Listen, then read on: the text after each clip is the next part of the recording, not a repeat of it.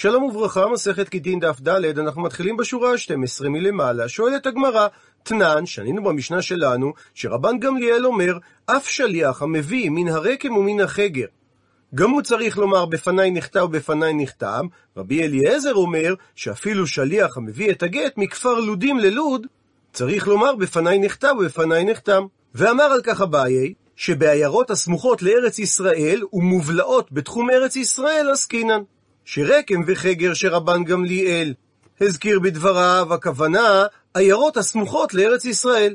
וכפר לודים שרבי אליעזר הזכיר, זה עיירות שסמוכות יותר לארץ ישראל, שאף מובלעות הן בתחומה, אלא שאינן מארץ ישראל. ואמר רבא בר בר חנה, לדידי חזי לי, עדות ממקור ראשון, אני עצמי ראיתי את ההוא אתרא, את אותו מקום שבין כפר לודים ללוד, והווי כמבי קובי לפומפדיטה. והמרחק בין כפר לודים ללוד זה כמו המרחק ממקום שנקרא בי קובי לעיר פומפדיטה. מדייקת הגמרא, מכלל דתנא קמא סבר, הני לא צריך. שמי שמביא את הגט מהעיירות הסמוכות, וודאי מהמובלעת, לא צריך לומר בפניי נחתם ובפניי נחתם. ועל פי זה להלן מחלוקת התנאים. תנא קמא סבר ששליח שמגיע מגרקם או מחגר, וודאי מכפר לודים, לא צריך לומר בפניי נחתה ובפניי נחתם, משום שהמקומות הללו סמוכים לארץ ישראל. בא רבן גמליאל ומוסיף שחכמים תיקנו שגם אם מקומות הסמוכים לארץ ישראל צריך לומר בפניי נחתה ובפניי נחתם, ומודה רבן גמליאל לתנא קמא, שמקום שהוא מובלע בגבול ארץ ישראל, דוגמה כפר לודים, משם שליח שמביא גט לא צריך לומר בפניי נחתה ובפניי נחתם, ורבי אליעזר חולק ואומר שכל מקום שנמצא מחוץ לגבול ישראל, אפילו אם מדובר על מקום שמובלע בתוך הגבול, שליח שמביא משם גט צריך לומר בפניי נכתב ובפניי נחתם. ומבאר רש"י כיצד מדובר על מקום שהוא מובלעת, כגון עיירות שמנה הכתוב במזרחה של ארץ ישראל להיות לגבול, כמו שכתוב בספר במדבר, והתאוויתם לכם לגבול קדמה, מחצר עינן וגומר, ומונה על הגבול עיירות רבות, ומהן ולהלן זה נחשב חוצה לארץ, ויש מהם שבולטות מחוותיהם לצד המזרח, ארבע וחמש פרסאות, ומסילה, דהיינו הדרך שהולכת מזו לזו, הוא הגבול, והעיירות העומדות חוץ למסילה, אפילו אם זה לפנים מבליטת העיר הבולטת, לזה קוראים מובלעת בתוך התחום, והרי היא אינה מארץ ישראל. להלן המחשה, הקו השחור הוא קו הגבול בין ארץ ישראל לבבל. רקם וחגר הם עיירות הסמוכות לארץ ישראל, וכפר לודים הוא מובלעת של חוצה לארץ בתוך גבול ישראל. תנא קמא סובר שגט שהשליח מביא ממקומות הסמוכים לארץ ישראל, הוא לא צריך לומר בפניי נחתה ובפניי נחתם. רבן גמליאל חולק עליו וסובר שממקומות סמוכים צריך לומר, אבל ממקומות המובלעים לא צריך לומר. ורבי אליעזר חולק ואומר שכל מקום שלא נמצא בתוך ארץ ישראל, אפילו אם הוא מובלט, צריך לומר על גט שמביאים משם, בפניי נכתב, בפניי נחתם. ומקשה הגמרא, מה אליו באקא מפלגי? האם לא בנקודה הבאה נחלקו התנאים? דמר סבר שזה תנא קמא. שהטעם שהשליח צריך לומר בפניי נחתה ובפניי נחתם, זה לפי שאין בקיאים לשמה בחוצה לארץ, והנגמירי. וכל המקומות הסמוכים לארץ ישראל, יודעים את ההלכה שצריך לכתוב לשמה. ומר סבר שזה רבן גמליאל, שהסיבה ששליח צריך לומר בפניי נחתה ובפניי נחתם, זה לפי שאין עדים מצויים לקיימו, והנינמי לא שכיחי. ולכן גם עיירות הסמוכות לארץ ישראל, צריך השליח שמביא שם גט לומר בפניי נחתה ובפניי נחתם, אבל מובלעת כמו כפר לודים, יש שם עדים המצויים לקיימו. והרי לא ייתכן לומר שרבא ורבא נחלקו במחלוקת התנאים. מתרצת הגמרא שלא זו מחלוקתם של התנאים במשנה, כאשר רבא מתרץ לטעמי ורבא מתרץ לטעמי. כל אחד מהאמוראים מעמיד את מחלוקת התנאים כשיטתו.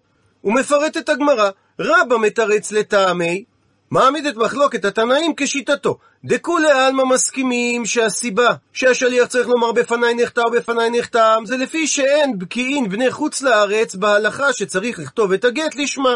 והכה בהכה מפלגי. וכאן במשנה זו נקודת המחלוקת. תנא קמא סבר שהני העיירות הסמוכות לארץ ישראל כיוון דסמוכות מגמר גמירי. הם למדו את הדין שצריך לכתוב את הגט לשמה, ולכן לא צריכים לומר בפניי נכתב ובפניי נכתב. ועתה, ובא רבן גמליאל לחלוק עליו למימר, ולומר שהמובלעות גמירי, אבל הסמוכות לא גמירי. שרק העיירות המובלעות למדו את דין הלשמה, אבל העיירות הסמוכות לא יודעים את הדין לשמה. ועתה, ובא רבי אליעזר למימר, שמובלעות נמי לו. כלומר, אומר רש"י, שאף על גב שמבחינת המציאות רבי אליעזר מסכים לרבן גמליאל, שהמובלעות יודעות את דין לשמה, בכל זאת הן לא יוצאות מההגדרה של מדינת הים, אלא שהוא עושה יישור קו, שלא תחלוק במדינת הים, שכל מקום שהוא מחוץ לגבול ארץ ישראל, מי שמביא משם גט צריך לומר בפניי נחתם ובפניי נחתם. עד לכאן הסברו של רבא במחלוקת התנאים, ועכשיו גם רבא מתרץ לטעמי. מעמיד את מחלוקת התנאים כשיטתו. דכולי עלמא, כל התנאים מסכימים שהטעם שצריך לומר בפניי נכתב בפניי נכתב, זה לפי שאין עדים מצויים לקיימו. ותרנא קמא סבר, הני, העיירות הללו, כיוון דסמוכות הם לארץ ישראל, משכח שכיחי. שכיחים, דהיינו מצויים, העדים לקיים את הגט. ועתה, ובא רבן גמליאל למימר, שרק במובלעות עדים שכיחי, אבל מהסמוכות עדים לא שכיחי. ועתה, ובא רבי אליעזר למימר, שגם המובלעות נמי, גם הם לא יוצאות מכלל ההגדרה של מדינת הים, שמאחר שגזרו שמי שמביא גט ממדינת הים צריך לומר בפניי נכתב בפניי נחתם, סובר רבי אליעזר שצריך לעשות אישור קו כדי שלא תחלוק במדינת הים. ומביאה הגמרא שאלה נוספת, תנן ששנינו במשנה שלנו וחכמים אומרים אינו צריך שיאמר בפניי נכתב בפניי נחתם, אלא המביא ממדינת הים והמוליך. עד לכאן ציטוט מהמשנה, ומדייק את הגמרא, מכלל דתנא קמא סבר, ששליח המוליך את הגט מארץ ישראל למדינת הים, לא צריך לומר בפניי נחתם ובפניי נחתם. אז אם כך, מה אליו באקא מפלגי? האם לא נחלקו תנא קמא וחכמים באופן הבא? דמר סבר, שזה תנא קמא, שהסיבה ששליח שמביא גט ממדינת הים צריך לומר בפניי נחתם ובפניי נחתם. זה כשיטת רבה, לפי שאין בני חוצה לארץ בקיאין שצריך לכתוב את הגט לשמה, ולכן סבר תנא קמא שהמוליך מארץ ישראל לחוצה לארץ לא צריך לומר בפניי נחתם ובפניי נחתם, הפכנו דף מפני והנגמירי, שבני ארץ ישראל יודעים שצריך לכתוב את הגט לשמה. לעומת זאת, ומר סבר, שזה שיטת חכמים, שהסיבה שהשליח שמביא את הגט ממדינת הים צריך לומר בפניי נכתב בפניי נכתב כשיטת רבה, לפי שאין עדים מצויים לקיימו. והנינמי לא שכיחי, ולכן גם המוליך את הגט מארץ ישראל למדינת הים, צריך לומר בפניי נכתב בפניי נכתב, שהרי אין בני ארץ ישראל מצויים במדינת הים כדי לקיים את הגט במידת הצורך.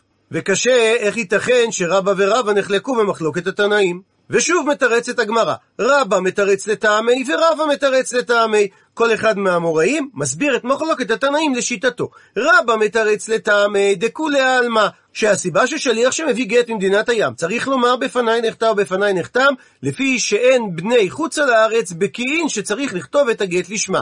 והכה וכאן, במשנה שלנו, בגזירת מוליך את ומביא כמפלגי.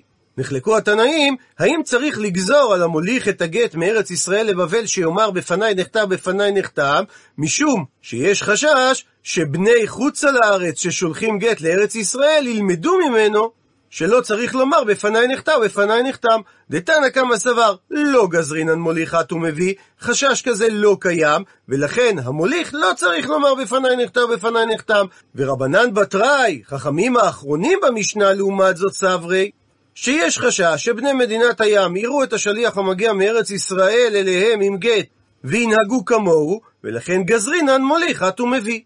וכשם שרבא העמיד את התנאים בשיטתו, כך גם ורבא מתרץ לטעמי. מעמיד את דברי התנאים במשנה כשיטתו. דכולי עלמא סוברים שהסיבה ששליח צריך לומר בפניי נחתם ובפניי נחתם, זה לפי שאין עדים מצויים לקיימו.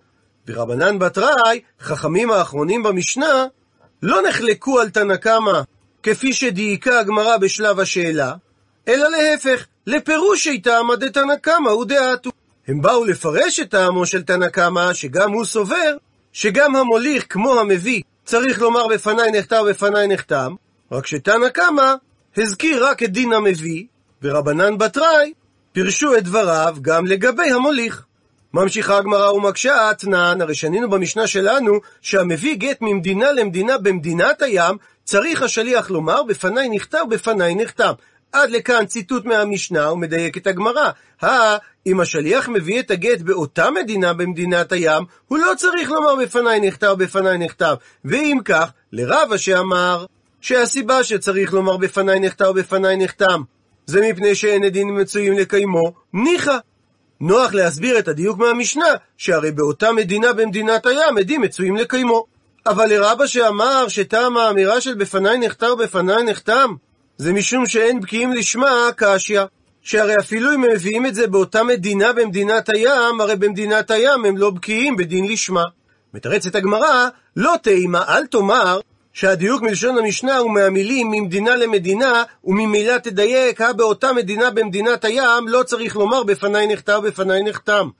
אלא אימה, תאמר שהדיוק הוא מהמילים במדינת הים, ולכן ממדינה למדינה בארץ ישראל לא צריך לומר בפניי נכתב בפניי נחתם. וזה תואם לשיטת רבה, שהרי בארץ ישראל בקיאים לשמה.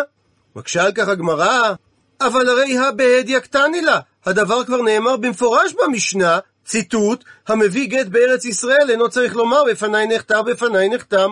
סוף ציטוט, ומדוע שנדייק דבר שנאמר במפורש? מסבירה הגמרא, אם מהאי, הווה אמינא אני מילי דיעבד, אבל לכתחילה לא.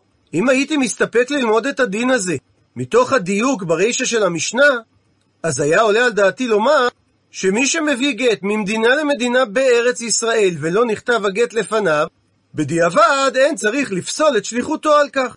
אבל לכתחילה, אם השליח היה בא לשאול את בית הדין, היינו מורים לו שהוא צריך לראות גם את הכתיבה וגם את החתימה, ושאחרת לא יקבל עליו להיות שליח להבאת הגט.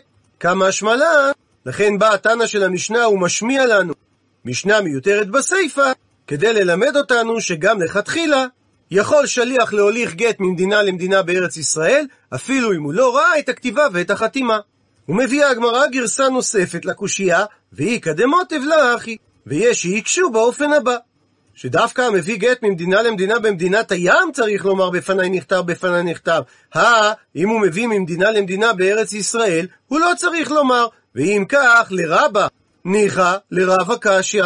שהרי אם הטעם הוא כמו רבה, שטעם אמירת בפניי נכתב, בפניי נכתב, זה משום דין לשמה, הרי בארץ ישראל לא צריך לומר את זה, מה שאין כן לרבה, שהטעם הוא משום עדים מצויים לקיימו, הבעיה הזו קיימת גם בארץ ישראל כאשר מביאים את הגט ממדינה למדינה. מתרצת הגמרא, לא תימה, אל תאמר שנדייק מהמילים במדינת הים, שממדינה למדינה בארץ ישראל לא צריך לומר בפניי נכתב ובפניי נכתב, אלא אימה, תאמר שהדיוק הוא מהמילים ממדינה למדינה, הא באותה מדינה במדינת הים לא צריך לומר בפניי נכתב, בפניי נחתם.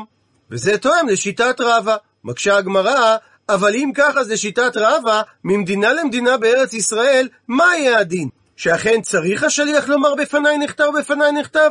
אם כך, ליטני, הייתה המשנה צריכה לנקוט את הנוסח הבא, המביא ממדינה למדינה סתם, ולא לפרט שמדובר במדינת הים, שהרי הדין הזה נכון גם ממדינה למדינה בארץ ישראל.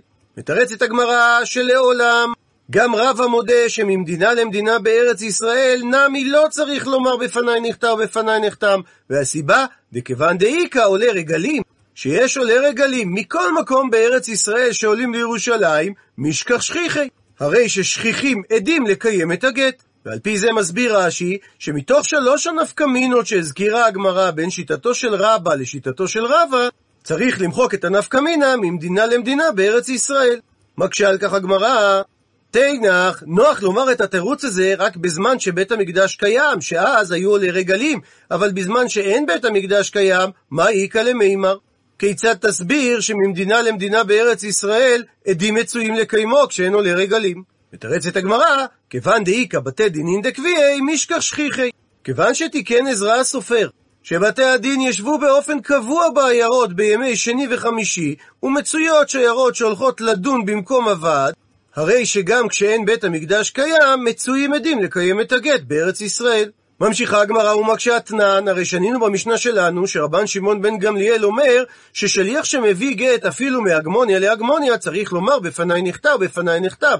ואמר על כך רבי יצחק, עיר אחת הייתה בארץ ישראל ועסיסיות שמה, והיו בה בית הגמוניות שהיו מקפידים זה על זה. ולפיכך הוצרכו לומר בפניי נכתב, בפניי נחתם, כשהעבירו גט מהגמוניה להגמוניה. ואם כך, לרב ניחא לרב קשיא, שהרי מדובר ששתי ההגמוניות היו בארץ ישראל, ואם כך הסיבה שהם היו צריכים לומר בפניי נחתם בפניי נחתם, זה רק מפני שאין העדים מצויים לקיימו. מתרצת הגמרא, רבא איתלי דרבא.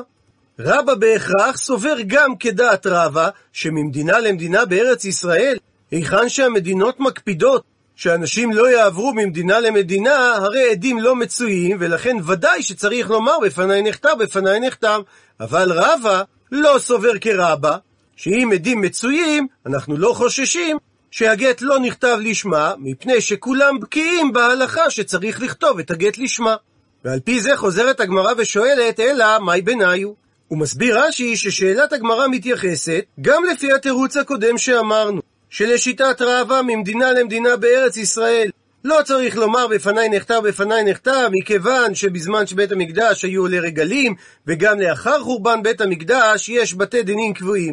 ובין לפי התירוץ האחרון שאמרנו, שרבא מצריך אמירת בפניי נחתם ובפניי נחתם, גם ממדינה למדינה בארץ ישראל, במידה והם מקפידים זה על זה. איכא בניו, אז יש ביניהם שני הבדלים ולא שלושה. הבדל אחד, דעתיו בית רי, אינמי, או גם הבדל שני, שמדובר באותה ממדינה במדינת הים. שבמקרה שהביאו שני עדים את הגט ממדינת הים לארץ ישראל, לפי רבה, הרי אין בקיאים לשמה, ולכן הם צריכים לומר בפניי נכתב, בפניי נכתב, מה שאין כן לפי רבה, הם לא צריכים לומר את זה, מפני שהרי הם מצויים לקיימו.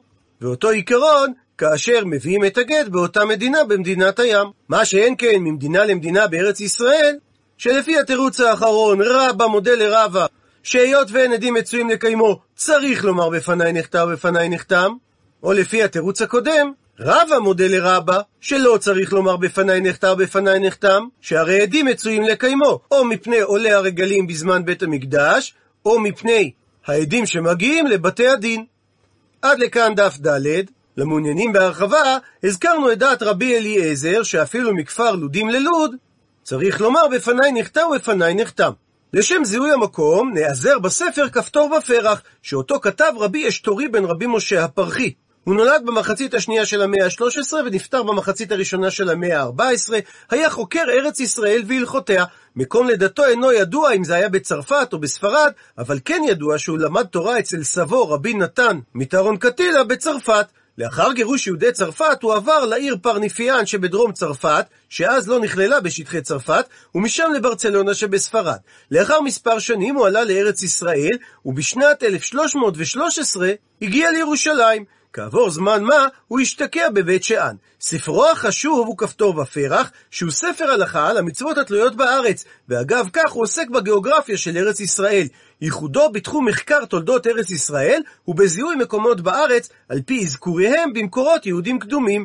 וכך הוא כותב, ומה שהזכירו במסכת גיטין ברישא, אפילו מכפר לודים ללוד, אותו כפר יהיה כנראה מערבי צפוני ללוד, ואחר כן הייתי בלוד ושאלתי על כפר לודים, אמרו, אין הן הכפר לודים, אלא הכפר לובין, והבית גושה, ואכן הלכתי שם ומצאתי מכוון אל המקום שכתבנו, והוא מערבי צפוני ללוד כשתי שעות.